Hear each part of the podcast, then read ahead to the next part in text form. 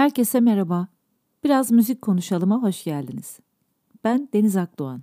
Bugünkü konumuz enstrümanistlerin çalışma düzeni ve sağlığı.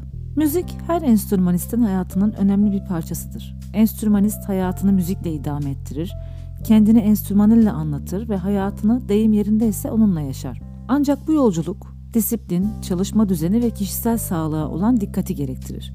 Şimdi de bir enstrümanistin enstrümanı nasıl çalıştığı ve sağlığını nasıl koruduğu hakkında biraz konuşalım. Bunları size madde madde sıralamak istiyorum. İlk maddemiz rutin bir çalışma programı oluşturmak.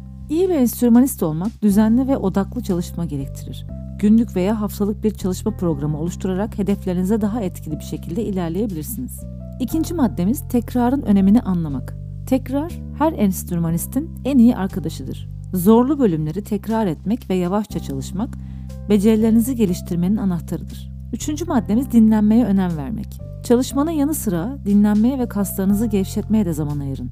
Özellikle uzun süre enstrüman çaldıktan sonra kaslarınıza masaj yapmak veya esneme egzersizleri yapmak çok önemlidir. Aksi takdirde sakatlanmalar meydana gelebilir. Dördüncü maddemiz iyi beslenmek. Sağlıklı bir diyet, enerjinizi korumanıza ve vücudunuzun ihtiyacı olan besin maddelerini almanıza yardımcı olur. Su içmeyi de tabii ki ihmal etmeyin. Çünkü su vücudunuzun iyi çalışmasını destekliyor. Beşinci maddemiz kulak korumak. Değişik geliyor kulağımıza ama bu doğru.